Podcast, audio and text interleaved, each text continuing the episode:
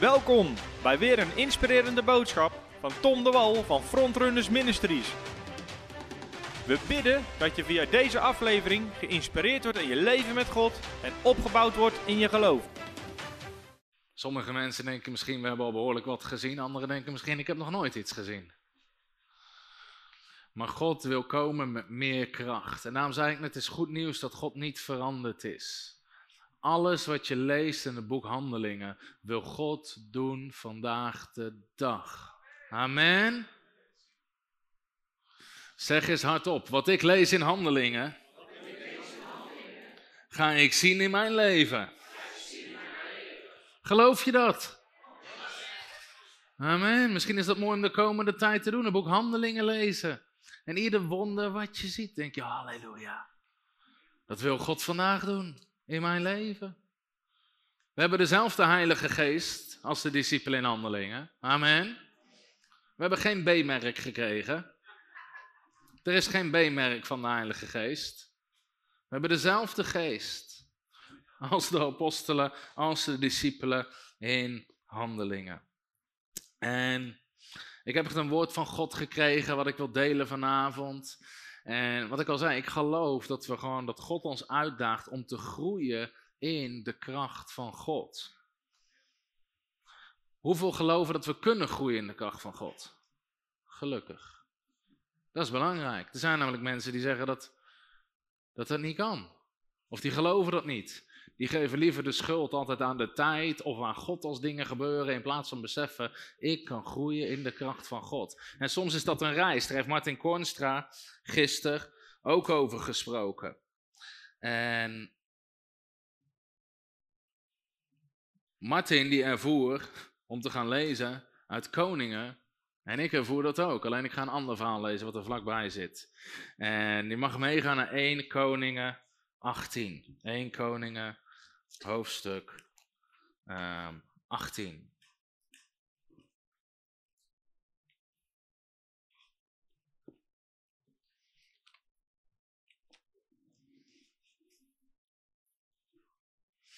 En ik geloof ook dat door dit woord God echt bij mensen dingen als daar in hun geest wil leggen. In 1 Koningen 18 lezen we het verhaal, bekende verhaal. In 1 Koningen 17 staat het bekende verhaal van Elia die op de berg Karmel met die profeten van Baal en dan komt de vuur uit de hemel. Dat verhaal kennen we wel. Gaan we zo meteen een heel klein stukje maar van lezen. Nou, in 1 Koningen 16, even om een beetje de context te schetsen. In 1 Koningen 16, vers 30 lezen we dat Agab koning werd van Israël. En dan zegt de Bijbel, hij was zeer slecht in de ogen van de Heer. Slechter dan alle koningen die er voor hem geweest waren. En dan staat er zelfs nog dat tot overmaat van ramp trouwde die met Ezebel. Nou, dat was geen beste partnerkeuze hoor. Dat zal je schoonmoeder maar geweest zijn. Dat is niet best. Izebel, en wat ze deden, zegt de Bijbel, ze bouwden allemaal altaren voor de Baal. Ze stelden Baal-priesters aan. Meer dan 800 priesters waren, dat in het, waren er in dat land. En tot overmaat van ramp, wat Izebel ook nog eens deed, alle profeten, alle dienstknechten van de Heer, nam ze gevangen en vermoordde ze. Over een slechte politieke situatie in het land gesproken. Sommigen zitten te klagen over Nederland over de politieke situatie. Maar daar was het er nog iets erger aan toe. En dan komt Elia, de profeet. En in 1 Koningen 17, vers 1, lezen we voor het eerst over Elia. Het is de eerste keer, moet je kijken wat voor een kerel Elia is. Ik geloof weer dat we Elia soms in onze tijd nodig hebben. En misschien roept God mensen die hier zitten wel als een Elia in het land. Dit is de eerste keer dat we lezen over Elia. Vers 1. En Elia de Tisbiet uit de inwoners van Gilead zei tegen Agab. Let op, dit is de eerste keer dat we van deze man horen. Zo waar de Heere, de God van Israël, leeft, voor wiens aangezicht ik sta, er zal, geen, er zal deze jaren geen dauw of regen komen, behalve op mijn woord. Tenzij ik het zeg. Er zal geen regen komen, tenzij ik het zeg. Nou, dat is nog eens een profetie uitspreken. En dat zei hij tegen die koning met die vrouw die al alle profeten had vermoord. Dan heb je lef. Dan heb je lef. Geloof dat we mensen met lef nodig hebben vandaag de dag. Je moet wel een woord van de Heer hebben. En wat gebeurt er? Het regent niet meer. Alleen dan, wat gebeurt er als het niet regent? Dan komt er een hongersnood. En het gevolg is dat Elia zelf komt ook in een hongersnood terecht. En dan zegt God in vers 3, 1 Koning 7 vers 3, zegt hij, ga naar de beek. En daar zullen iedere, dan kan je drinken uit de beek. En dan komen iedere dag komen de raven je brood en vlees brengen. Hij had een soort McDrive van raven. Iedere dag kwamen de raven, die kwamen hamburgers brengen. Iedere dag brood en vlees. Ik weet niet waar jij vandaan komt, maar wat, bij ons komen de raven meestal niks brengen. Die halen dingen weg. Maar bij Elia kwamen de raven dingen brengen. God kan op wonderlijke manieren voorzien. Amen. Gods voorziening kent geen, geen grenzen.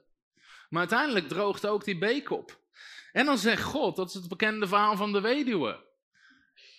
Ook zo'n mooi, mooi verhaal, dat, God, dat Elia op een die beek leeg en zegt God, ga naar die en die stad. Dan denk je, nou, wie zal God gaan gebruiken om de profeet te gaan voorzien? Woont daar een rijke zakenman? Woont daar iemand die al heel veel jaren heel veel geld aan eten heeft gespaard? Je moet je voorstellen, inmiddels was het hele land droog, iedereen had honger. En God zegt, ik heb daar een weduwe geboden om u te onderhouden. En hij komt bij die weduwe aan en hij zegt, geef me een maaltijd. En die vrouw zegt, ik heb nog één hap en daarna sterven we. Maar God had gezegd, dit is de vrouw die ik gekozen heb om, om, om voor je te zorgen. En Elia zegt, nou geef die ene hap dan maar aan mij. Moet je vandaag de dag doen als prediker. Sta je morgen in de Telegraaf, Nederlands Dagblad, overal, SBS 6.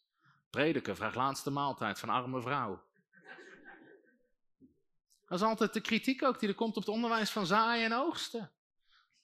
Dan zeggen de mensen, ja, dat maakt, dat maakt de mensen arm. Met deze vrouw er minder van? Nee, want ze deed het. En Elia begint te profiteren en hij zegt het olie in de pot en de meel, het zal niet opraken. En het begon te vermenigvuldigen. En Elia woonde een hele tijd lang bij die vrouw. En dan komt het woord van de Heer in 1 Koning 18 vers 1. Dit was na 3,5 jaar. En het gebeurde na vele dagen dat het woord van de Heer tot Elia kwam, in het derde jaar. Ga, vertoon u een aangap, want ik zal regen geven op de aardbodem. Dus ah, hij kreeg een profetie. Het God zei: Het gaat weer regenen. Het gaat weer regenen. En hij gaat naar Agap toe. En eerst, Agap die, die was aan het zoeken naar eten. En dan komt hij eerst Obadja tegen. Dat was een dienstknecht van Agap. Maar Obadja was een man van God. Hij had honderd profeten had hij verstopt in twee grotten. En dan komt hij Elia tegen en dan zegt Elia, ga naar de koning en zeg dat ik eraan kom. En die Obadja zegt, dat doe ik niet. Want ik ken die profetenstreken, dan bent u in één keer weer verplaatst in de geest en dan kunnen we u niet vinden. En dan sta ik verschut bij de koning, dan ga ik er ook aan. En Elia zegt, nee, nee, nee, ik laat me vandaag aan de koning zien.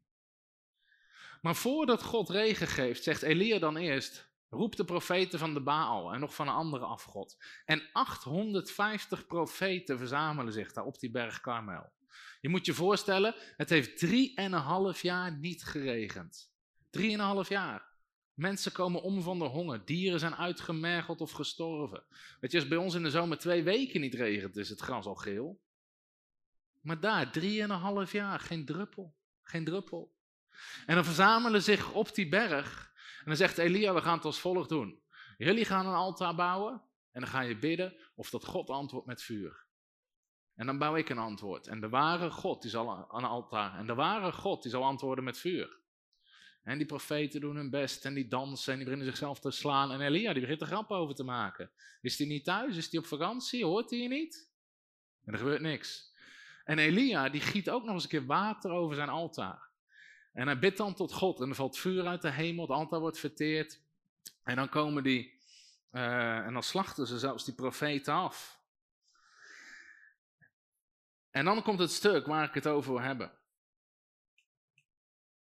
In 1 Koningen 18 vanaf vers 37. Dus je moet je voorstellen, het heeft 3,5 jaar lang niet geregend. En waar ik vanavond over wil spreken is dit. God geloven voor regen onder een wolkeloze hemel. God geloven voor regen onder een wolkeloze hemel.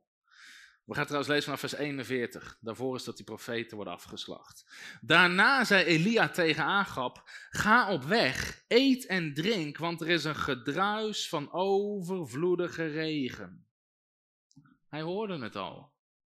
Zo ging Agab eten en drinken. Maar Elia klom naar de top van de Karmel, dat is de berg, en boog zich voorover ter aarde. Vervolgens legde hij zijn gezicht tussen zijn knieën en hij zei tegen zijn knecht, klim toch naar boven en kijk uit in de richting van de zee. Toen klom hij naar boven, keek uit en zei, er is niets. Dan denk je, oh oh. Toen zei hij, ga terug. En dit gebeurde zeven keer. Wie wilde werken in de bediening? Zeven keer die berg opklimmen. En het gebeurde bij de zevende maal dat hij zei: Zie een kleine wolk als de hand van een man opkomend uit de zee. En Elia zei: Ga tegen Agab zeggen: Span in, daal af en laat de regen u niet ophouden. En het gebeurde ondertussen dat de hemel zwart werd van wolken en wind. En er kwam een hevige regen. Agab reed weg en ging naar Jezreel. En de hand van de Heer was op Elia. En, om, en hij omgorde zijn middel en snelde voor uit, tot waar men bij Jezreel komt. Nou, dit is een schitterend verhaal. Over hoe Elia een woord krijgt van God. En God zegt: Het gaat weer regenen. En Elia zegt: Ik hoor het gedruis al van regen. Hij hoorde het al. Hij, hij zag het al in zijn geest voor zich. Maar er was nog niks te zien. Er was nog niks te zien. En iedere keer gaat die knecht. Hij zegt, ga kijken, ga kijken naar de regen. En je moet je voorstellen, de Bijbel zegt, die knecht die moest op die berg, die moest daar een heel stuk klimmen en dan kijken richting de zee, of het ging regenen. Dus die knecht de eerste keer rennen, klimmen, klauteren, rotsen op, oppassen dat het niet valt. Ik weet niet hoe lang het heeft geduurd, maar misschien wel een half uur heen, een half uur terug, misschien wel een uur. En dan is er helemaal niks. Strak blauwe lucht. Hij terug naar Elia, hup, weer een half uur klimmen, klauteren, misschien zijn knieën een keer geschaafd. Komt hij terug bij Elia en zegt, er is helemaal niks. En Elia zegt, ga terug. De eerste keer denk je nog, nou, vooruit. Huppakee, klimmen, klauteren, gaan, Nog niks. Hmm. Hmm. En weer terug, klimmen, klauteren, lopen. Op een gegeven moment helemaal bezweet, dorst, weet je wel, bij Elia. Er is niks. Ga terug. Gaat hij voor de derde keer. Nog een keer klimmen. Op moment denkt hij misschien, nou, ik denk dat bij de derde keer hij gedacht, volgens mij zit, zit hij ernaast. Klimmen, klauteren, kijken. En Elia ondertussen was aan het bidden met zijn hoofd tussen zijn knieën. Hij kijkt de derde keer, weer niks. En hij gaat terug. Misschien begon hij al langzamer te lopen. En op een gegeven moment komt hij weer bij Elia. Heer, er is niks. Ga terug. Vierde keer. Klimmen, klappen. En hij ging weer. Niks te zien. En weer terug. Ga terug! Daarom vroeg ik net, wie wilde werken in de bediening? Wie wilde knecht zijn van Elia? Misschien krijg je een opdracht van de Heer die soms niet zo leuk is. En dan ging hij weer lopen, vijfde keer. Niks te zien. Hij weer terug. Ik denk dat hij het antwoord al wist ook. Misschien dacht hij wel, hadden we al mijn mobiele telefoons. Kon ik hier gewoon blijven staan, weet je. Ik bel wel als ik wat zie. Ik zet het al in mijn stories op Instagram. Gegeven moment, vijfde keer, ga terug. Zesde keer, ga terug. En de zevende keer ziet hij een wolk zo groot als de hand van een mens. Dat is alles, zo groot als de hand van een mens. En hij gaat terug en hij, zei, hij zegt, heer, ik zie een wolk zo groot als de hand van een mens.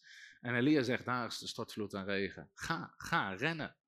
Elia die wist al in zijn geest wat er gebeurde. En binnen no time begon het te storten van de regen van God. Wat er gebeurtenis is dit.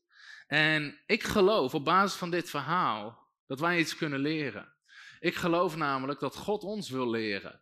In dit land, de plek waar jij bent. Op jouw werk, in jouw gezin, in jouw kerk. Dat God je wil leren om God te geloven voor regen aan een wolkeloze hemel. Er zijn namelijk heel veel plekken. En regen staat symbool voor de Heilige Geest. De Bijbel spreekt over de vroege en de late regen, die nodig is voor de oogst. Als je oogst wil, iedere akkerbouwer weet, als je oogst wil, heb je eerst regen nodig. Als wij oogst willen zien in dit land, als we resultaat willen zien, wat we nodig hebben in Nederland, is de kracht van de Heilige Geest. We hebben de kracht van God nodig in dit land.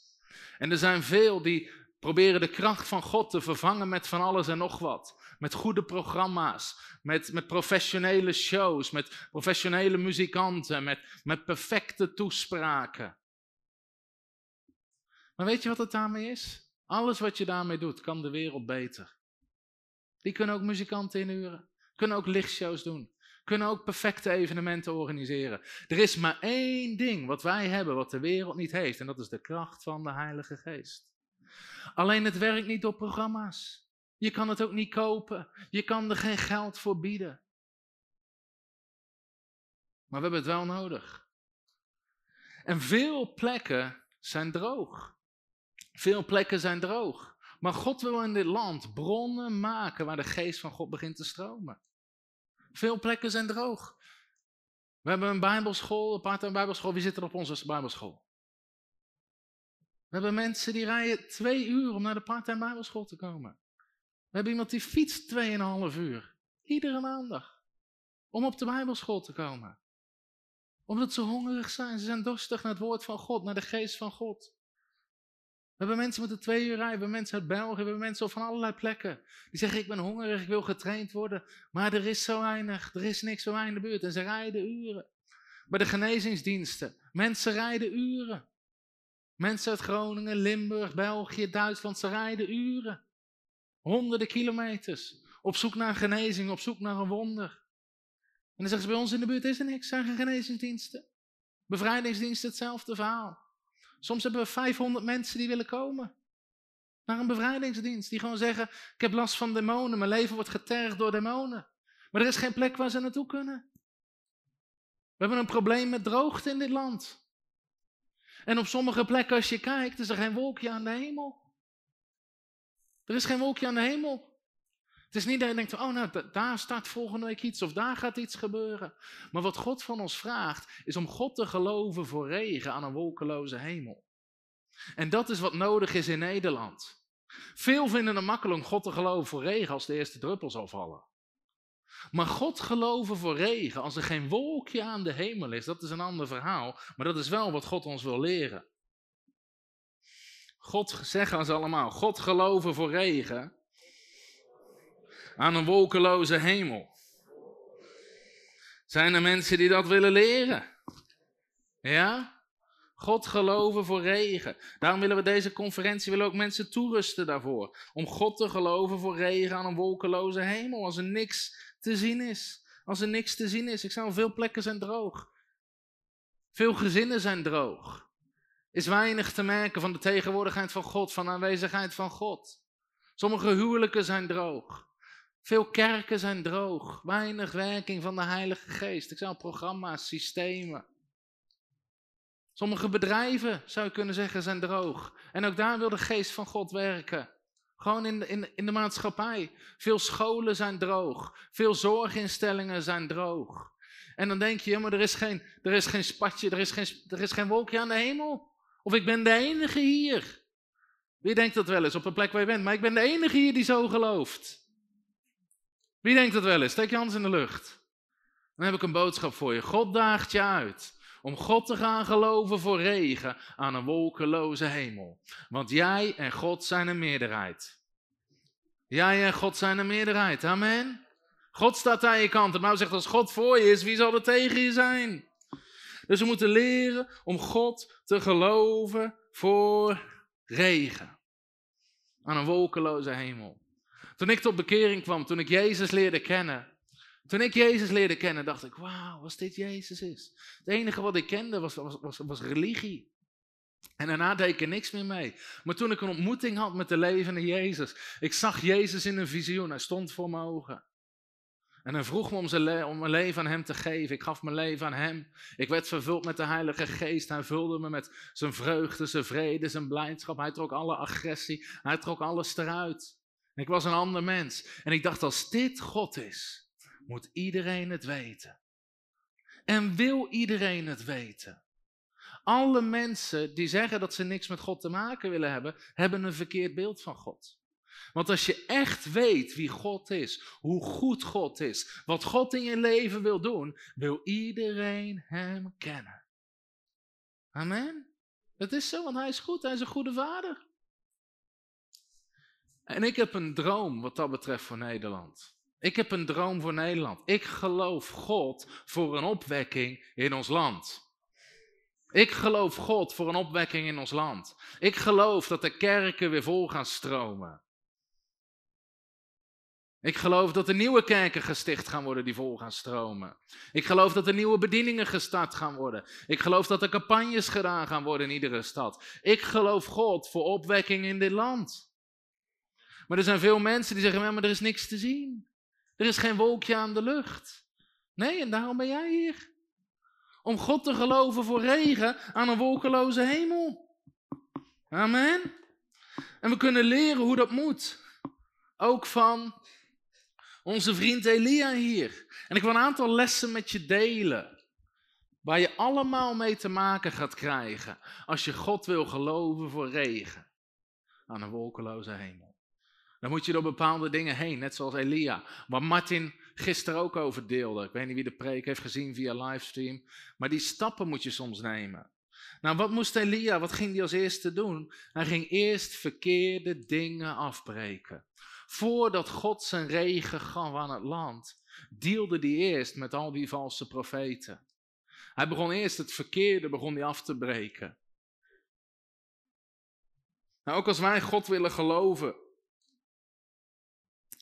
voor regen zullen we soms eerst verkeerde dingen af moeten breken. Dat kunnen verkeerde dingen zijn in je eigen leven, waar Martin het gisteren over had. Soms zitten de verkeerde dingen in ons eigen leven. En ik weet niet of mensen dealen met problemen en issues, maar het goede nieuws is, ieder probleem is te overwinnen, want Jezus is met je. Wat je probleem ook is. De Bijbel zegt in 1 Korinthe 10, vers 13: God leidt ons nooit ergens in wat we niet kunnen overwinnen. Hij geeft ons altijd de uitkomst. Dus soms moeten we eerst de problemen in ons eigen leven oplossen. De dingen die daar spelen. Soms moeten daar dingen afgebroken worden. Maar soms moeten er ook andere dingen afgebroken worden. En je hoeft niet eens heel actief bezig te zijn. Ik geloof niet dat we per se geroepen zijn om verkeerde dingen af te breken. Maar terwijl je het goede doet, terwijl je gewoon het woord van God preekt en deelt en het evangelie deelt, dan ga je er altijd tegenaan lopen dat het oude in verzet komt. Mensen met oude denkpatronen, oude geloofspatronen, oud dit, oud dat. En die gaan tegen je opstaan en die dingen gaan je tegenkomen. En dan moet je gewoon doorheen. En sommige mensen zijn bang voor tegenstand. Maar als je eerst verkeerde dingen moet afbreken, zal je door die tegenstand heen moeten. Maar de geest van God is met je. Amen. Die geest van God is met je. Zeg eens, de geest van God is met mij. Om tegenstand af te breken. Ik geloof, God wil nieuwe wijn geven in Nederland. Gewoon een nieuwe beweging van zijn Heilige Geest. Maar Jezus zelf zei, je kan geen nieuwe wijn in oude zakken stoppen. In Marcus hoofdstuk 2. Toen ik dat las, heb ik besloten, ik ben geen oude zak. Zeg eens, ik ben geen oude zak.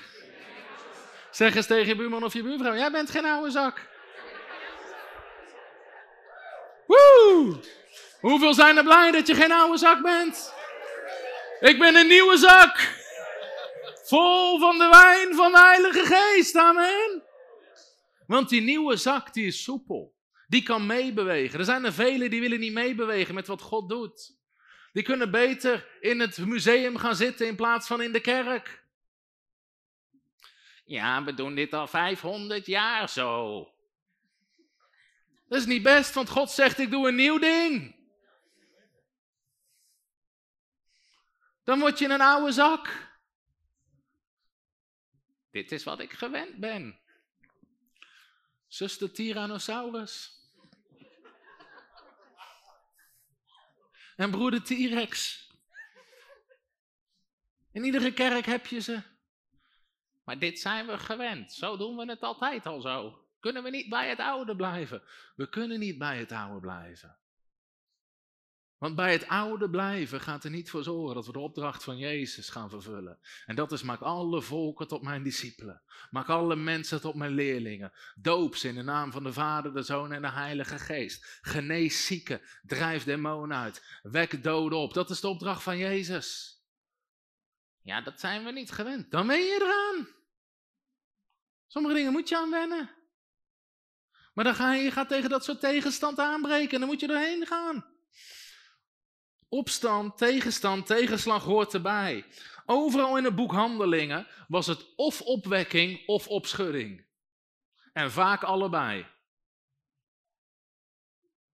Elke stad waar ze kwamen, waar ze het evangelie brachten. Zelfs waar God machtige wonderen en tekenen deed. Lammen liepen, blinden zagen, zelfs doden stonden op. Je zou denken dat je applaus krijgt. Maar in plaats daarvan probeerden ze ze te stenigen en te geestelen en sleepten ze in rechtszaken. En ontstond er een volksoproer. Opwekking en opschudding gaan hand in hand. Maar veel mensen willen alleen de opwekking. En als er een teken is van opschudding en opstand en kritiek, dan zijn ze gewend om terug te trekken.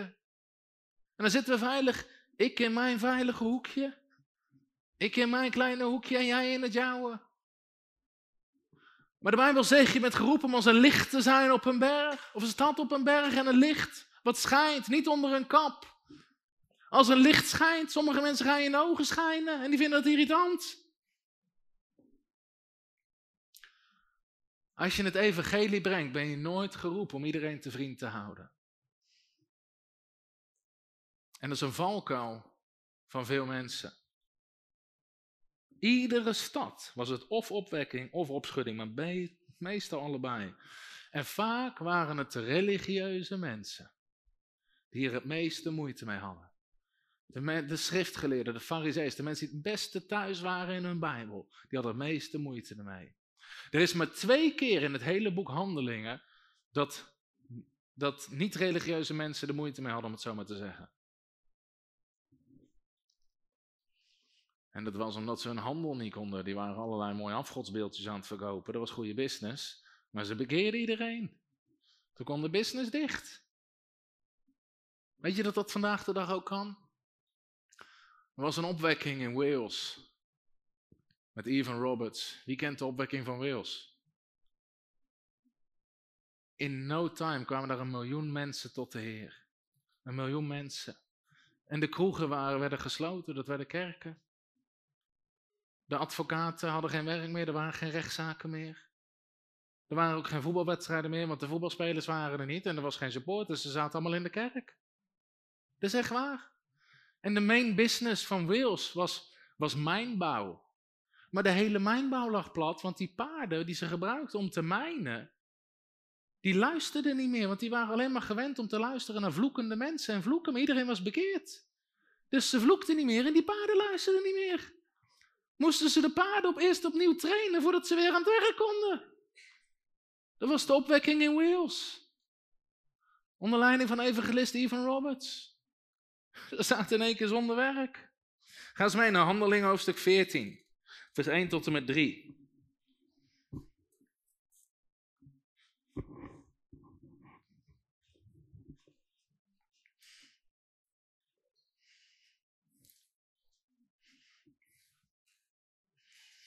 Handeling hoofdstuk 14. Dit is een hele mooie tekst.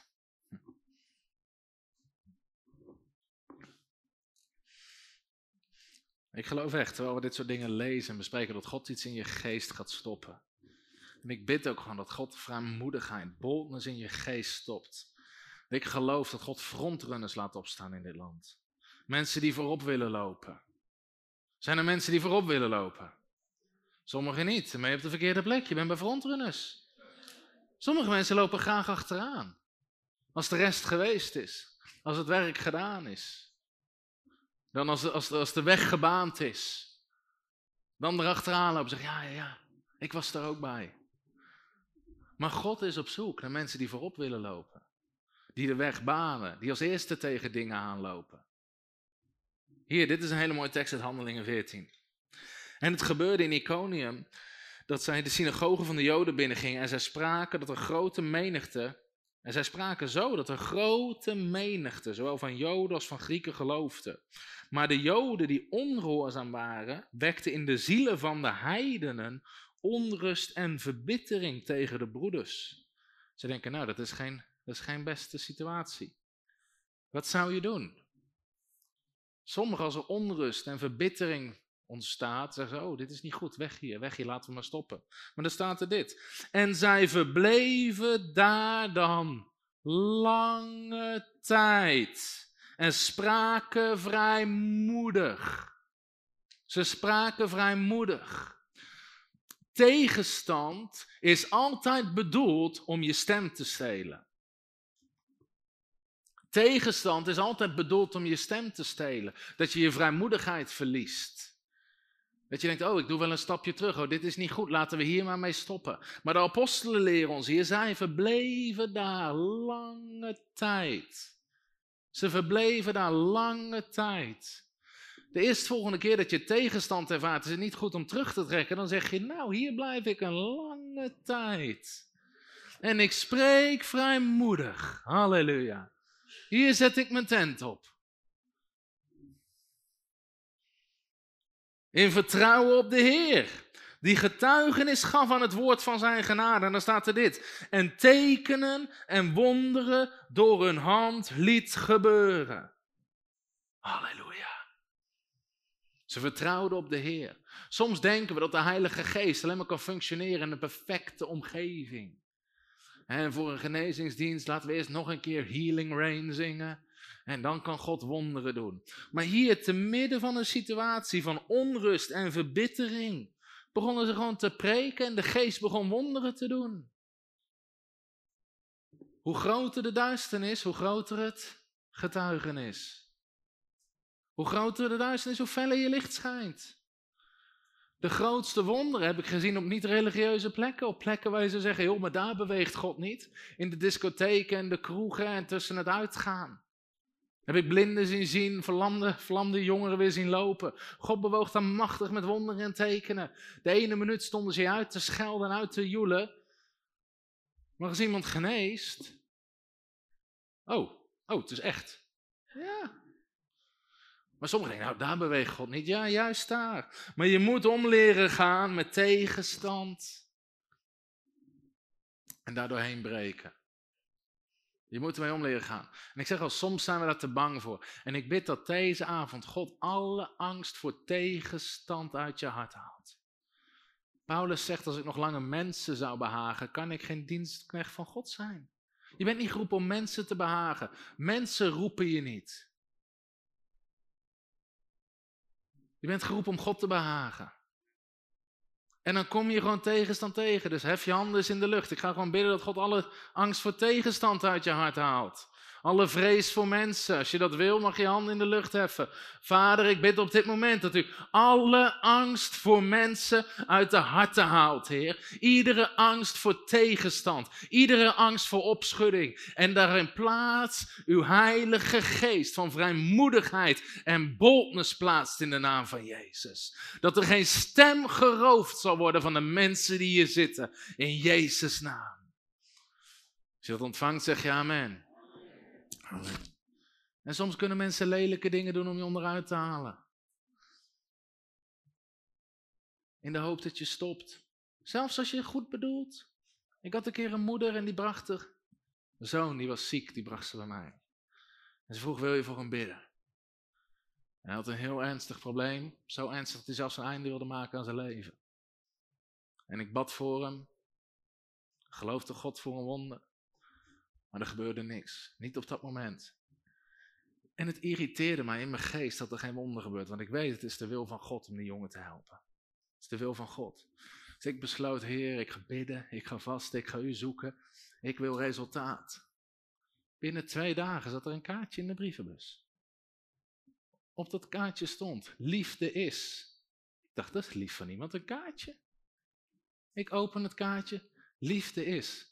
Alles wat jij niet bent, kind van de duivel, je hebt me zo niet geholpen, je zal eeuwig branden in de hel.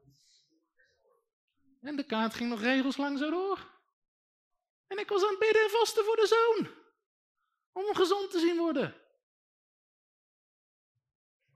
Zelfs al doe je het goede. Jezus was volmaakt, de zoon van God. En ze noemden hem de duivel. Hoe kunnen wij iets anders verwachten? Je moet er gewoon doorheen. Je moet er gewoon heen. Sommige mensen gaan je beschadigen. Jezus zegt, ze gaan over je liegen, je bedriegen. Dat zijn van die beloftes in de Bijbel. Heb je heel weinig geloof voor nodig om die in vervulling te laten gaan. Hoef je niet te proclameren. Het gebeurt gewoon. Op een gegeven moment hadden we iemand die probeerde ons zwart te maken. En die pakte wat foto's van mij van Facebook, met mijn, met mijn, gewoon foto's van mij. En die begon die allemaal op homo-date sites te plaatsen. Zodat iedereen die ons googelde daarop uitkwam in plaats van op de bediening. Mensen doen van alles om je bediening zwart te maken. En een ander kan het weer zien en die schrijft er een artikel over en voor je het weet gaan allerlei dingen. En dan heb je ook nog christenen die de krant geloven. Maar niet een Bijbel. Laat de Bijbel iemand op. Heb je gezien wat de krant schrijft? Ik zeg, joh, je moet je pas zorgen maken als de krant het met je eens is. Het hoort erbij. Ben je bereid om door tegenstand heen te gaan? Ben je bereid om door vervolging heen te gaan? Ben je bereid om door opschudding heen te gaan? Want na die opschudding komt de regen. Maar soms moet je eerst met dat soort dingen. Wat is de tweede les van Elia? De tweede les is, hij ontving het eerst in zijn geest. 1 Koning 18 vers 41. Hij zei al, ga op weg, eet en drink, want er is een gedruis van een overvloedige regen. Als jij wil dat het gaat regenen op de plek waar jij bent, in je kerk, in je gezin, op je werk, waar je ook bent, het moet eerst gaan regenen in je eigen geest. Het moet eerst gaan regenen in je eigen geest. Je kan niet uitdelen wat je zelf niet hebt. Je kan niet uitdelen wat je zelf niet hebt. In Handelingen 3, vers 6, daar lezen we dat Petrus en Johannes, die verlamde man, die had nog nooit kunnen lopen. Dat ze hem op laten staan. Ken je dat verhaal, Handelingen 3, die man die bij de poort zit? Maar wat zeggen ze? Wat ik heb, dat geef ik je. Sta op en wandel. Je moet eerst weten wat je hebt. Je hebt de kracht van God. Je hebt de autoriteit om zieken te genezen. Je hebt de autoriteit om demonen uit te drijven. Dat is wat je hebt. Je hebt de identiteit van Christus. Je bent gezeten aan de rechterhand van God. Dat is wat je hebt. Dat is wie je bent. Maar je moet eerst weten wat je hebt. Anders kan je niks uitdelen. Je moet eerst die regen ontvangen in je eigen geest.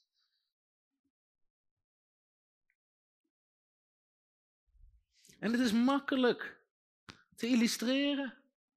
Kijk, als je niks hebt, kan je niks uitdelen. Maar daarom moet je zorgen dat je zelf vol wordt.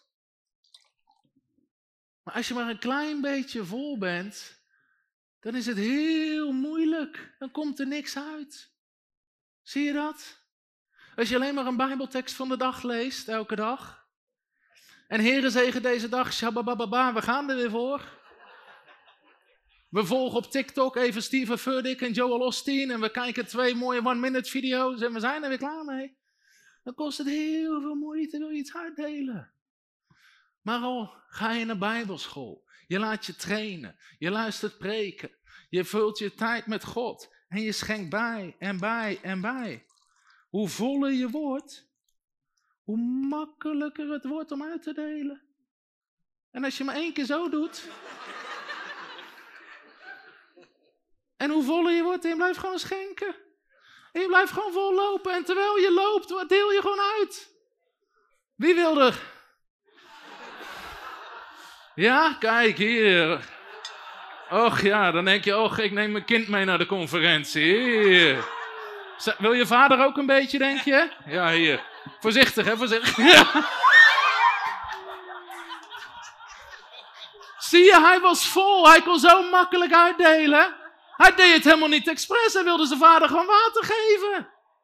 Maar het liep gewoon over. Als jij vol bent van God, dan begint het er gewoon uit te stromen. Daarom zei Jezus, als iemand dorstig is, laat hem naar mij komen en drinken. En als je genoeg drinkt, word je dronken. En als je dronken wordt, komt het er vanzelf uit. En Jezus zegt, stromen van levend water zullen uit je binnenste stromen. Maar je moet, eerst, je moet het eerst zien. Je moet jezelf eerst vullen. Veel dingen moet je eerst zien in het woord, voordat je het ziet in je leven. Dat is iets wat het Je moet het eerst zien in het woord, voordat je het ziet in je leven. Je moet eerst zien in de Bijbel dat ze demonen uitdrijven. En dat Jezus zegt, ik geef je autoriteit om demonen uit te drijven. En dan moet er een verlangen ontstaan, dat wil ik ook doen. En dan kom je voor het eerst een demon tegen. En dan moet je het gaan doen. Maar dan ben je vol, dan ben je gevuld, dan weet je wat de Bijbel zegt. Genezing, voordat ik het begon te zien in mijn leven, zag ik het in mijn Bijbel. En ik ging het bestuderen. Ieder verhaal, ik kocht een Bijbel om uit te knippen. Ieder verhaal van Jezus knipte ik uit, waar die zieke genas. En toen kwam ik achter een probleem, dat soms staat op dezelfde bladzijde, aan de ene kant en de andere kant, allebei een verhaal. Maar ik zag het eerst in het woord. En dan zeg je, dat wil ik ook gaan zien. En dan begin je het te doen. En dan begin je erin te groeien. Soms zie je het eerst in je geest. Dan doe je je ogen dicht, dan lig je s'avonds op bed en dan zit je gewoon Zie je het gewoon een keer voor je. Hoe gaaf zou het zijn als iemand opstaat uit een rolstoel? Hoe gaaf zou het zijn als blinden gaan zien? Hoe gaaf zou het zijn als verlamden kunnen lopen? Maar je begint het eerst te zien. Je begint het eerst te zien. Alles werkt zo. Je kan niet geven wat je niet hebt. Elia die zag het eerst. Die zag het eerst. Plus de stem van God verstaan over dat soort dingen. De stem van God verstaan, als God tot je spreekt. Het voorbeeld, sommigen, veel zullen het wel kennen, maar weet je, ik las in Gods woord over zaaien, oogsten en voorziening. Ik had een visie om mensen in dienst te nemen, maar we hadden het nog niet. Totdat op een dag tijdens het bidden en vasten God sprak en God zei Jezaja 51 vers 2. En ik las en God zei, kijk naar je vader Abraham. Toen ik hem riep was hij alleen, maar ik zegende hem en maakte hem talrijk met velen. En met dat God sprak wist ik dat is mijn belofte. En bam, God gaf me de gave van geloof om mensen aan te nemen. En in twee jaar tijd namen ongeveer tien mensen aan. Van nul naar tien in twee jaar tijd, dat is boven natuurlijk. Maar ik zag het eerst in het woord. Toen we in geloof stonden voor het gebouw. Ik was aan bidden en vasten en God sprak Jeremia 32. En in Jeremia 32 moet Jeremia een akker gaan kopen. Als een profetische handeling. En dan doet hij dat en dan zegt God, dit is het woord van de Heer. Er zullen weer akkers en huizen gekocht worden in Israël. En toen ik het las, zei God tegen me, er zullen weer gebouwen voor het koninkrijk van God gekocht worden in Nederland. Halleluja. Geloof je het?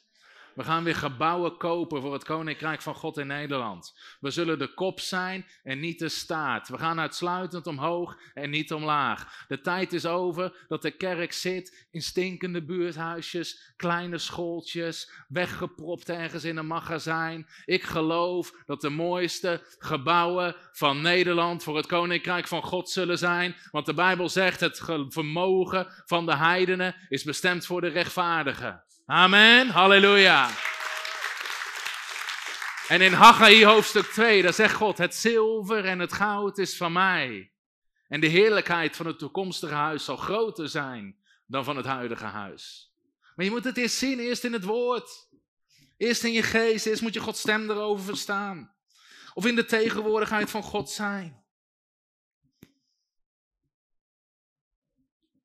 Sommigen willen kennen dit verhaal, maar ik zat een keer in de auto met iemand en waren, net zoals die discipelen die hun eten, die maar twee broden mee hadden in een boot. Ze zaten wij, we hadden maar één boterham, we moesten uren rijden. En diegene zei tegen me, of ik zei tegen diegene, ik weet niet precies hoe het ging, maar we zeiden zoiets van, oh, anders moeten we hem vermenigvuldigen. Hij moest erom lachen. En met dat ik lach, hoor ik de stem van God. En God zegt, zolang je erom lacht, zal je het nooit zien. Zolang je erom lacht, zal je het nooit zien. Nou, dan ben je snel met je te bekeren. Amen. Dan zeg je, sorry eer. Sommige dingen lachen om. Ha, doden opwekken, ja. En het feit dat we erom lachen, betekent dat we het niet geloven. Voedsel vermenigvuldigen. Stop met lachen om dat soort dingen. Maar als de geest van God je dat soort dingen begint te openbaren,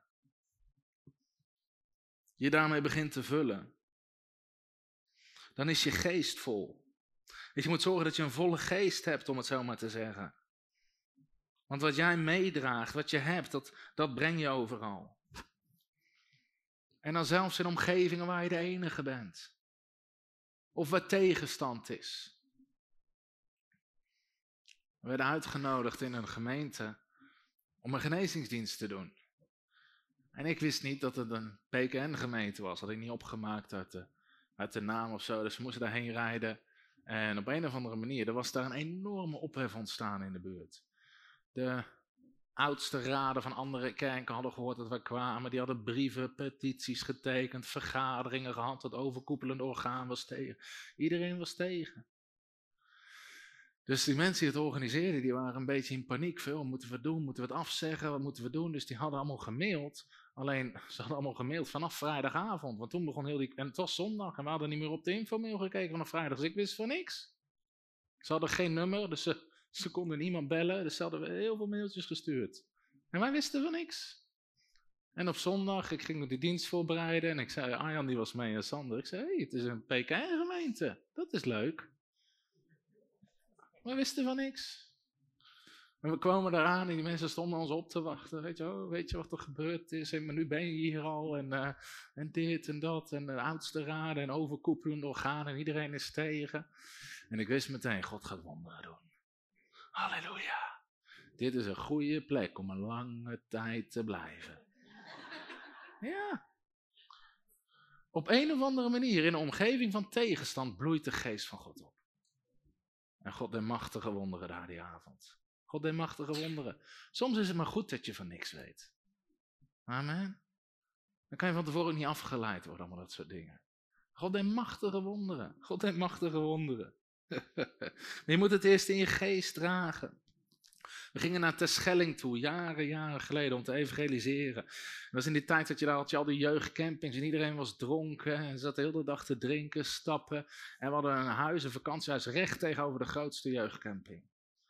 En in het begin, weet je, mensen beginnen uit te joelen, dat soort dingen. Zij denken, nou, dat is niet echt een ideale omgeving. Hoe begin je?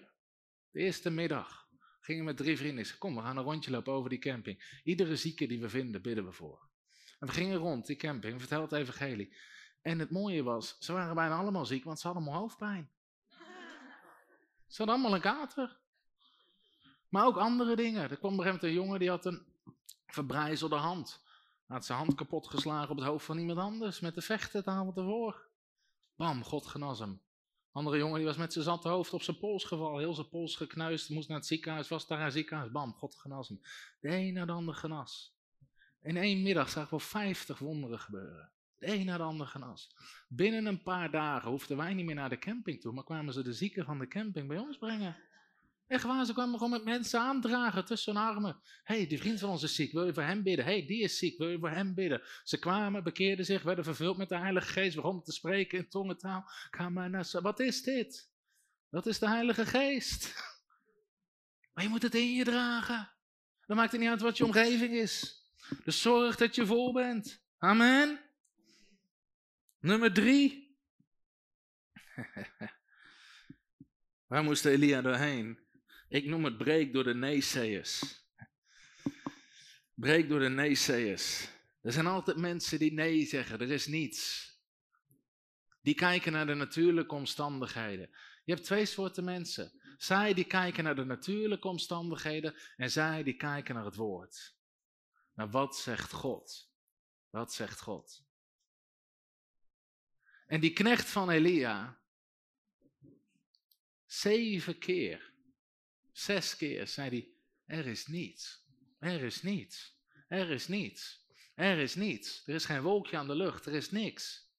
En misschien zei hij op een gegeven moment wel meer tegen Elia, er is niets, kunnen we hier niet mee stoppen? Moet ik nog een keer? Geloof je echt dat het gaat regenen? En die mensen ga je ook tegenkomen. Als jij zegt, ik ga God geloven voor regen, zijn er altijd mensen die gaan naar de hemel kijken en zeggen, joh, er is niets. Voelen ze van je hoofd, er is niets. Ik geloof God voor genezing. Hallo, voel ze van je hoofd. Hoeveel mensen heb je al genezen zien worden? Ken je mensen die genezen zijn? Ken je dit, ken je dat, dat? En soms zelfs je broeders. Of je zusters. Die weten je soms het meest te bemoedigen. Maar dan moet je doorheen door de nee-zee's die zeggen: nee, er is niks, er is niks, er is niks. En ook, ik geloof, er zijn altijd veel mensen die zeggen: het kan niet, ik zie niks. Maar daarom is het belangrijk dat Elia had het eerst gehoord in zijn geest. Hij had het eerst gehoord in zijn geest. Dus hij wist beter. Dus iedere keer zei hij: ga terug, ga terug, gaat terug. Net zo lang totdat die doorbraak daar was. Als jij gaat doen waar God je voor geroepen heeft. De roeping voor God, de plan voor de geest van God is altijd groter dan je kan in eigen kracht. Anders had je God niet nodig. Amen. Het is altijd groter dan je kan in eigen kracht. Maar je gaat altijd mensen tegenkomen die zeggen: Het kan niet. Er is niets. Er is niets. Toen wij bijvoorbeeld in geloof gingen staan voor dit gebouw, ze zeiden: Oh, dat kan niet. Dat kan niet. Dat is te gek. Dat is te duur. Heb je het geld? Heb je het geld? Er zijn mensen die kijken naar de lucht. Die kijken naar de lucht en zeggen: Nee, er is niets. Maar als je een woord van God hebt, kan je daar doorheen breken. Dan kan je daar doorheen breken. Amen, Peter. Dat is Petertje. Halleluja. Zit je helemaal achterin? Dat is niks voor jou.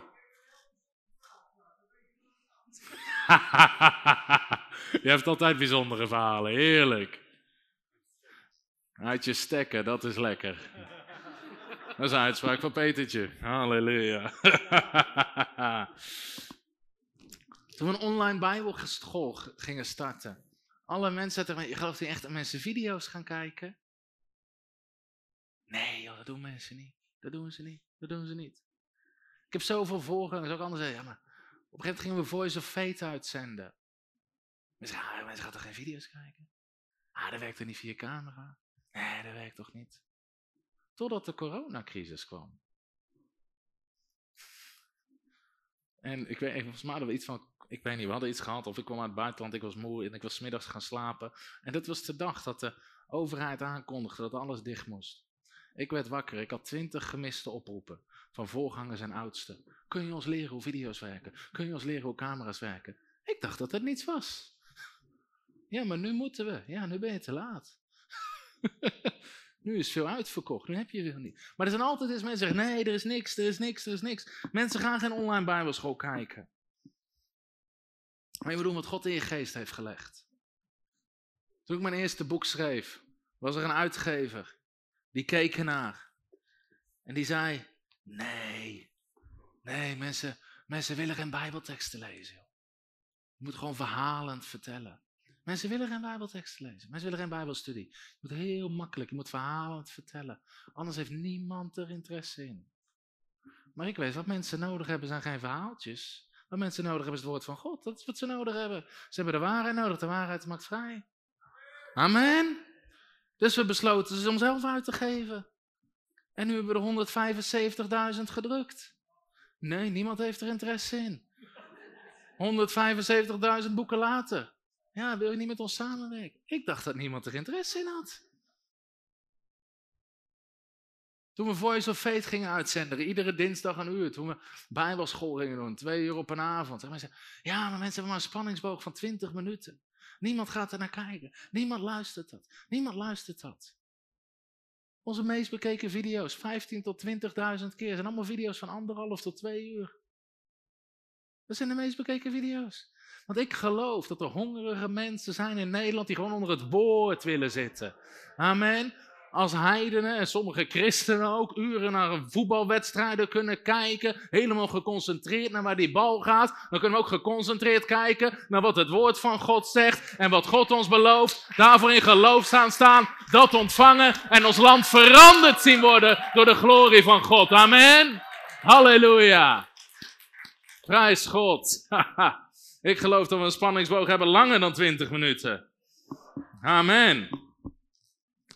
En als er wonderen en tekenen gebeuren, dan is iedereen zijn spanningsboog langer dan 20 minuten. Amen. Hoppakee! Echt waar. Met bevrijdingsdienst heb ik nooit gezien dat mensen zich begonnen te vervelen. Als demonen door het gangpad rennen om je op je muil te slaan. En sommigen beginnen te, te sissen als slangen, anderen beginnen te gillen, anderen beginnen te krijsen, omdat de naam van Jezus wordt uitgeroepen. Sommigen beginnen te roepen, ik kom er niet uit, ik kom er niet uit. Moet je opletten, iedereen heeft in één keer een spanningsboog van uren. Diezelfde christenen zeggen, ik hou mijn aandacht nooit ergens langer bij dan 20 minuten. Twee uur lang zitten ze te kijken of hun ogen uit hun hoofd vallen. Als mensen opstaan uit rolstoelen Hij wist in één keer iedereen een hele lange spanningsboog. Als doven gaan horen, als blinden gaan zien, als verlamden gaan lopen. Ik hoor het geluid van regen in dit land. Amen. Halleluja. Woe! Dat verandert alles. We deden een genezen, tenminste we deden een dienst helemaal boven in het land. In Friesland. Ik was daar voor het eerst in die gemeente, ik wist ook niet waar we heen gingen. En ik had op mijn hart om over genezing te spreken. En vooraf vroeg die oudste, waar ga je over spreken? Ik zei genezen. Dat is spannend, dat is spannend. Dat is spannend. En een vriend van die week daarvoor gesproken. En na twintig minuten zat een van die oudste constant zo op zo'n. Hij zegt, wat ga je doen dan? Ik zeg, nou, we gaan het woord van God breken. En dan gaan we zieken genezen. En dan gaat iedereen zijn getuigenis vertellen waar ze van genezen zijn. Ja, dat hebben we nog nooit meegemaakt. Dat hebben we nog nooit meegemaakt. En let je wel een beetje op de tijd. Let je wel een beetje op de tijd, zei hij. En wat nou als er niemand komt? Ik zei, nou, dat is lekker hier. Dat is een bemoediging. Wat nou als er niemand komt? Maar goed, ik was net aan het preken, 20, 25 minuten. En er zat iemand, die was doof en die had gehoorapparaat in. En op een gegeven moment hoorde die, hij hoorde goed met gehoorapparaat, maar op hoorde hij niet meer goed. En hij deed zijn gehoorapparaat uit en dan komt er hij is genezen. En hij is ander uit. En hij roept, ik ben genezen, ik ben genezen. Dat was de eerste. Moesten we nog voor mensen beginnen met bidden. Vervolgens gingen we bidden, de een naar de ander genas. Wonden naar wonden naar wonden. Ik denk dat er wel 60, 70 wonderen in die dienst gebeurden. En ik vroeg, wie heeft er een getuigenis? En er stond een lijn door het hele middenpad heen. En op een gegeven moment hadden we zes, zeven getuigenissen gehad. En nog een getuigenis en nog een getuigenis. En ik dacht, ja, ik ben hier de eerste keer te gast. Dus we moeten, we moeten ook op de tijd letten. Dus ik, ik zei naar die ouders, moeten we het afronden? En diezelfde man die daarvoor zei, niet te lang, die zei nu, ja meer, ik wil ze allemaal horen, ik wil ze allemaal horen, ik wil ze allemaal horen. Wat we nodig hebben is de kracht van God, amen. We hebben de kracht van de Heilige Geest nodig. Dat is wat we nodig hebben. Dus er zijn altijd twee kampen. Zij die kijken naar de omstandigheden en zij die kijken naar het woord van de Heer. Maar ik geloof dat we machtige regen gaan hebben in dit land. Ik geloof God voor opwekking in Nederland. Ik geloof dat we kerken gaan starten. Niet alleen wij, iedereen. Het is tijd om kerken te starten. Sommige mensen zeggen, maar er zijn al zoveel kerken. Je hebt nooit te veel kerken. Je hebt nooit te veel kerken. Amen. We hebben meer kerken nodig. We hebben meer plekken nodig waar mensen heen kunnen. Want mijn part zit in iedere straat een kerk. Waarom niet? We hebben meer kerken nodig. Ik geloof dat we bedieningen gaan starten in Nederland. Dat God mensen gaat roepen voor bedieningen. Dat er evangelisten gaan op gaan staan. Dat er apostelen op gaan staan. Dat er profeten op gaan staan in dit land. Dat er evangelisten op gaan staan in dit land. Die campagnes gaan doen. Dat stadions vol zullen zitten. En wat we nodig hebben is mensen die dingen niet horen in hun geest. En daarvoor gaan. Dat je niet met alle winden meewaait.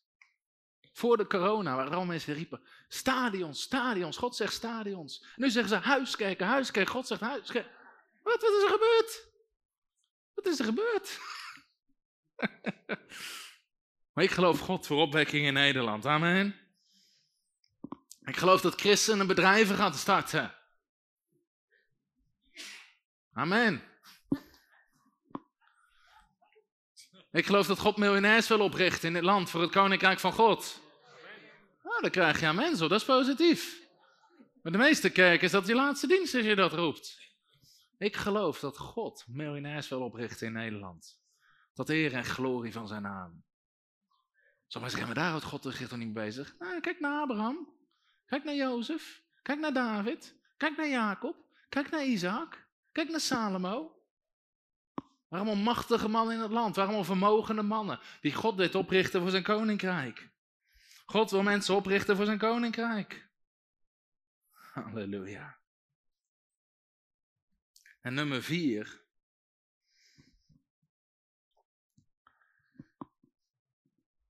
Is stroom mee, ook al met het kleinste begin. Stroom mee, ook al met het kleinste begin. Zoals Elia toen de knecht zei, ik zie een kleine wolk als de hand van een man die opkomt uit de zee. En Elia begint te rennen. En hij weet, het gaat stortregenen. Het gaat stortregenen. Soms willen we dat de hele lucht in één keer zwart wordt. Maar heel vaak begint God met een kleine wolk. God begint met iets kleins. God begint met iets kleins. En dan zijn er velen die zeggen, oh, maar werkt niet. Oh, het is toch niks. Maar God is op zoek naar mensen die de dag van het kleine begin niet verachten. Die zeggen, dit is het. Dit is waar God over gesproken heeft. Misschien geloof je God voor machtige wonderen en tekenen, mensen uit rolstoelen. En de eerste tijd genezen alleen maar mensen van rugpijn. Nou, er zijn mensen die zeggen, nou, het werkt niet. Maar God is op zoek naar mensen die zeggen, dit is het. Als God het doet met rugpijn, doet hij het met kanker. Doet hij het met blinde ogen. Doet hij het met dove oren. Voor God is er geen verschil.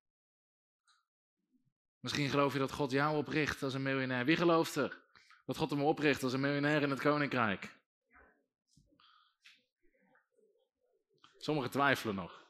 Oké, wie gelooft dat hij als groep is als miljardair? Sommigen vinden het misschien te klein. Halleluja, amen. Halleluja. Ik zat ooit in een dienst waar iemand een offer ophaalde. En die zei vanaf het podium, met het invullen van de machtigingskaart, die zei een miljoen is met zes nullen. En degene naast mij zegt, oh, dan haal ik er snel eentje af.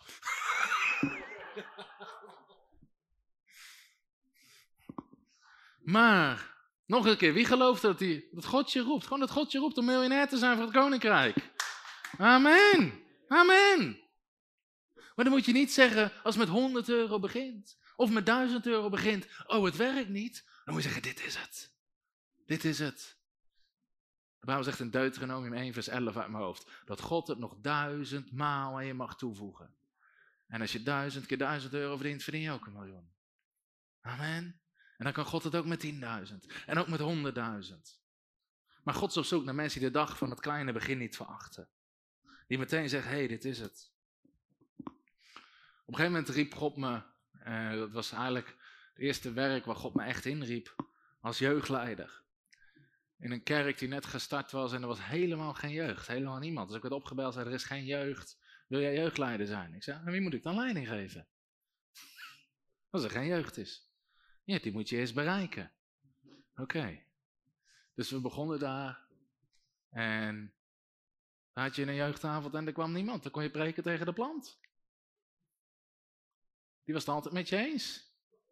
Zolang je niet sprak over het vervloeken van de vijgenboom, vond die plant alles best. Maar je bleef gewoon getrouw. En op een gegeven moment deden we een e-, evangelisatiedienst. En we hadden ongeveer vier mensen die daar eigenlijk tot levend geloof kwamen. En die kwamen allemaal meteen in het kernteam terecht. Zo ging dat. Je moet ergens mee beginnen. Je moet ergens mee beginnen. En het begon met vier en toen met acht. En op een gegeven moment zaten er honderden jongeren in die sporthal. En heel veel kwamen tot geloof. Uit de wereld, uit drugs, allerlei situaties. Maar het begon met bijna niks. Het begon met niks. En in het begin moet je preken. En dan komen er twee mensen. Of er kwam niemand. Of als mensen hoorden dat jij sprak, kwam er helemaal niemand. Nu hebben we een wachtlijst voor sommige diensten van honderden mensen. Maar toen bleven mensen weg per honderden.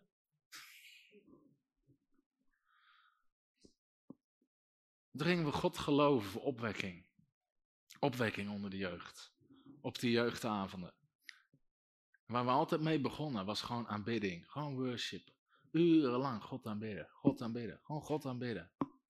En op een gegeven moment kwam de geest van God kwam met kracht. De geest van God kwam met kracht. Weet je, deze dienst heb je altijd, altijd iemand die achter de beamer zit in iedere kerk. Op een gegeven moment roosterden we geen beamer aan meer in. Want tijdens het eerste akkoord kwam de geest van God. En iedereen was dronken in de geest. En, en, we konden geen nummer meer zingen. Of het waren alleen maar nieuwe liederen. We zongen geen bestaand nummer meer, helemaal niks. De beamera die hoefde niet meer te komen. De geest van God viel. Iedere avond. Mensen dronken in de geest. Moesten ze naar de auto tillen, naar huis rijden, wegbrengen. Jeugdavonden duurden uren, uren. En elke keer vanaf het eerste akkoord, woem, viel de geest van God. Mensen werden aangeraakt, vervuld met de Heilige Geest. Sommigen kwamen gewoon binnen, kenden Jezus niet, maar de tegenwoordigheid van God. En in één klap kwamen ze tot bekering, raakten ze van de drugs af, werden ze genezen. Dat soort wonderen gebeuren. Maar het begon met niks. Het begon met God geloven. Heer, ik geloof voor opwekking onder jonge mensen. Ik geloof voor opwekking. En dan draag je het in je geest. Dan zal zeggen, ja, maar dat kan niet. Jongeren zijn met andere dingen bezig. Ja, daarom moet jij zorgen dat ze met andere dingen bezig gaan. Je hebt altijd mensen die excuses zoeken. Maar veracht de dag van het kleine begin niet. Toen we frontrunners gingen starten, we hadden helemaal niks. Soms zie ik mensen die geloven dat ze groepen zijn voor de bediening, die beginnen met een thuisfrontcomité. We hadden geen thuis, we hadden geen comité, we hadden alleen front in de naam zitten. Maar die willen eerst alles organiseren. Ik zeg niet dat dat fout is. Maar we hadden niks, we begonnen met niks. Hadden niemand, we hadden geen uitnodigingen staan, we hadden helemaal niks staan. Hadden een woord van de Heer. En we hadden het ontvangen in onze geest. En mensen zeiden, wat ga je doen dan? Weet ik niet, maar God heeft ons geroepen. Ja, maar dat is geen wijsheid. Ken je die christenen? enige tekst die ze kennen uit de Bijbel, is dat is geen wijsheid. Dat het je vraagt waar staat, dan zeg je, dat weet ik niet. Ik heb meer met geloof dan met wijsheid. Jezus zei tegen niemand, heb wijsheid. Hij zei tegen heel veel mensen, heb geloof. ja, maar je moet wel wijsheid hebben, broer. Nou, die zaten waarschijnlijk ook in de boot bij Petrus. Nou, ga je echt uit water stappen? En je moet wel wijsheid hebben, hè, broer. Soms ben ik helemaal klaar met die wijsheid-theologie van mensen. Ja, je moet wel wijsheid hebben. Nee, wat je nodig hebt is geloof. Wat je nodig hebt is geloof. Geloof is Gods wijsheid. Ook al is er niks te zien, niks te voelen. Het is de wijsheid van God. Geloof is Gods wijsheid. En geloof stapt uit die boot en dan kom je erachter, hé, dat water houdt je. En in het begin zit geen kerk op je te wachten, maar even achterdag van het kleine begin niet. Op een gegeven moment sprak God over, over die livestreams doen. En we zaten op Facebook live met één kijker, nul kijkers, allemaal weg. Moest je even wachten tot er iemand kwam. Dan zag je een eentje. Dan begon je heel snel te preken. En dan, nee, die ging ook weer weg. En dan, dan wachtte je weer tot er weer iemand kwam. En dan had je twee kijkers. En dan had je vijf kijkers. En dan had je tien kijkers. En veel mensen, waarom stop je daar niet mee? Waarom stop je daar niet mee? Er zijn maar vijf mensen die kijken. Je gaat toch geen hele avond zitten preken als er maar vijf mensen zitten kijken? Nee, maar ik geloof God heeft gesproken. Even achter dag van het kleine begin niet. En nu hebben we vaak 200 live kijkers, duizenden die achteraf kijken. En die zeggen, ja, maar dat willen we ook. Nee, begin met twee, begin met vier, begin met zes. Maar veracht de dag van het kleine begin niet. Want God gaat vanzelf promotie geven aan je stem. Ik geloof dat dat een profetisch woord is. God gaat vanzelf promotie geven aan je stem. Dat je stem door meer mensen gehoord wordt. Maar het begint met het niet verachten van het kleine begin.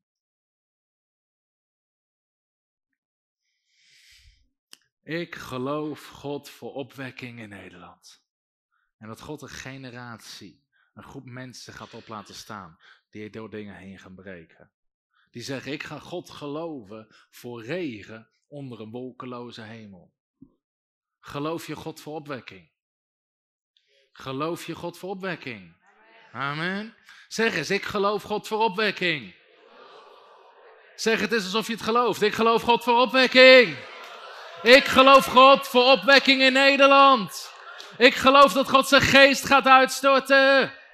En er zullen neeseers komen. Er zullen mensen zeggen, ja maar kijk naar de moslims, hoe ze moskeeën bouwen. Kijk naar de politiek, hoe die tegen christen is. Kijk naar de kerken, hoe ze leeglopen. En dat zijn mensen die kijken naar een wolkeloze hemel. Ze zeggen, kijk, kijk, kijk, er is niks. Maar dan zeg jij, ik geloof God voor regen aan een wolkeloze hemel. Ik geloof God voor opwekking als er niks te zien is. Ik geloof God voor opwekking in mijn straat als niemand er gelooft. Ik geloof God dat hij promotie gaat geven aan mijn stem. Ik geloof dat we kerken gaan starten. Ik geloof dat we bedieningen gaan starten. Geloof God voor opwekking. Geloof God voor genezing, voor wonderen, voor tekenen. Ik geloof dat in Nederland doven gaan horen. Amen. Dat blinden weer gaan zien. Dat mensen gaan opstaan uit rolstoelen. Dat mensen genezen van kanker. Ik geloof God voor een healing revival in Nederland. Dat het klaar is met ongeloof. Dat het klaar is met klein denken. Dat het klaar is met redeneren. En dan moet je er al die nee's, dan moet je allemaal doorheen. Maar ik geloof God voor regen onder een wolkeloze hemel. Ook al zegt iedereen dat kan niet. Daarom gaan we binnen, weer ons plan om in september 2022 een voltijd bijbelschool te stichten. Waar we mensen gaan trainen om kerken te starten, om bedieningen te starten, om bedrijven te starten, om posities van invloed in te nemen in de maatschappij. Want ik geloof dat er velen zijn met een roeping op hun leven. Alleen mensen moeten getraind worden. Ze moeten gewoon weten hoe ze het moeten doen. Dat is de sleutel. Je moet alleen maar weten hoe je het moet doen. Hoeveel hier ervaren er een roeping op hun leven? En zeggen, hé, hey, ik heb een roeping op mijn leven. Amen. Soms moet je helemaal getraind worden, net zoals zijn discipelen. Jezus nam zijn discipelen drie jaar mee. Hij trainde ze en hij zond ze uit. Dat is iets wat we gaan starten. Om mensen te trainen. En ze uit te zenden. En ze te helpen om te starten. En ik geloof dat door de genade van God. Dat we honderden kerken zullen starten in Nederland. Als je dat zegt, zijn mensen, maar dat kan niet. Dat kan wel. Als we honderden studenten hebben die zeggen, wij gaan kerken starten. Ik geloof dat we honderden bedieningen gaan starten in Nederland. Ik geloof God voor honderden evangelisten in dit land. Ik geloof echt, en ik ervaar het in mijn geest, God gaat evangelisten op laten staan in dit land. Mensen die de boodschap van redding prediken. Mensen die durven stadions, sporthallen, buurthuizen te huren. En gewoon te zeggen, kom om het evangelie te horen. Breng de zieken, breng de doven, breng de blinden. Want God gaat wonderen doen. Amen. Ik geloof God voor opwekking aan een wolkeloze hemel. Geloof jij God voor opwekking aan een wolkeloze hemel? Als je God daarvoor gelooft, wil ik je vragen om te gaan staan. Ik wil vragen of de band naar voren wil komen. Halleluja.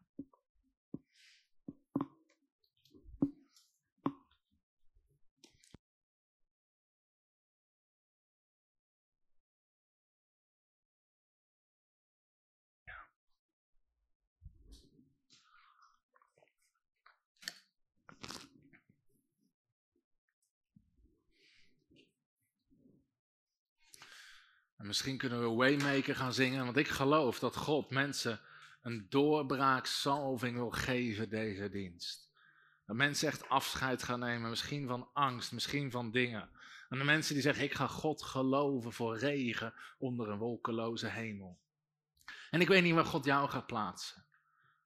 Sommigen zijn misschien gewoon geroepen voor in hun straat, in hun buurt, in je bedrijf, op je werk, in de school waar je werkt. Misschien is het een zorginstelling. Misschien is het dit, misschien is het dat. Maar dat je God gaat geloven voor regen aan een wolkeloze hemel. En niet te snel denken, dat kan niet. Jaren terug sprak ik in een dienst. Dat is een mooi getuigenis, jaren geleden. En helemaal achter in de zaal zat iemand. Ik had die man nog nooit gezien. En ik kreeg een profetisch woord voor diegene. En ik zei, eh, meneer, helemaal achterin, ga staan. Ik zei, ik zie in de geest, u gaat handen leggen op zieken, maar u kan niet zeggen, maar God zal machtige wonderen doen. En ik wist niks van zijn situatie. En na de dienst kwam hij, hij zei, ja, ik ben ambulancechauffeur. En ik wil zo graag zieken zien genezen, maar ik kan heel vaak, ik kan niet bidden. Want dan raak ik misschien mijn baan kwijt. En dat mag niet volgens de protocollen, maar ik kan wel mijn handen opleggen. En hij twijfelde, doet God dan wonderen? En hij kreeg dat woord. Ik zie dat je handen legt op zieken, je kan niks zeggen, maar God zal wonderen doen. En God deed machtige wonderen door zijn handen heen. En hij kwam op situaties waar niemand anders kwam. Hij begon God te geloven voor regen aan een wolkeloze hemel. En zo zijn we allemaal op een plek gekomen. Een plek geplaatst waar God ons plaatst. En misschien lijkt je lucht wolkeloos. Maar dat is de situatie waar het begint. En ik geloof echt dat de geest van God mensen aan gaat raken. Dus ik, we gaan zingen, waymaken. Maar ik wil je ook vragen om gewoon je handen op te heffen. En als jij zegt, ik ga God geloven voor regen aan een wolkeloze hemel, wil ik gewoon vragen om mij na te bidden. En daarna te gaan bidden in de geest. Daarna wil ik ook gaan bedienen naar mensen. En ik weet als ik een oproep ga doen, gaan er heel veel mensen naar voren komen. Maar ik wil echt bidden voor een salving voor doorbraak. Wie wil een door, salving voor doorbraak ontvangen in zijn leven? Steek je handen eens op, halleluja. Dus ik ga zo meteen gewoon voor, door de zaal lopen. Ook mensen zalven. En ik geloof dat de geest van God machtig gaat vallen. Dat sommige mensen de gave van geloof, de gave van genezing ook zullen ontvangen. Halleluja. Zeg eens, Vader, ik geloof u voor regen.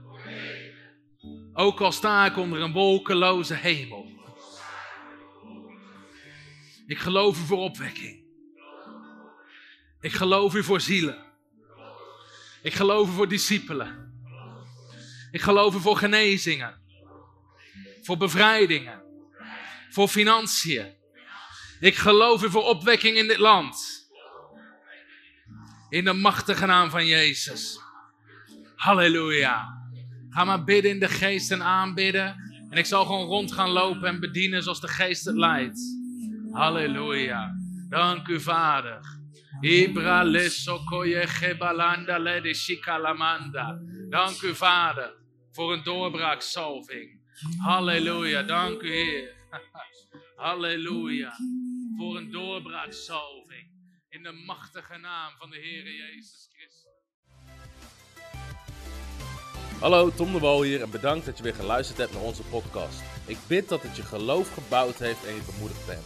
Als je niet alleen een luisteraar van onze boodschap wil zijn, maar ook een verspreider daarvan, wil ik je uitnodigen om partner te worden van Frontrunners.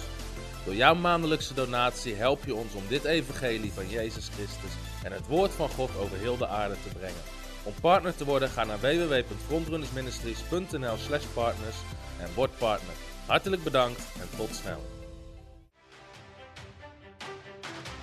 Heb je ook zo genoten van deze inspirerende boodschap van Tom de Wal?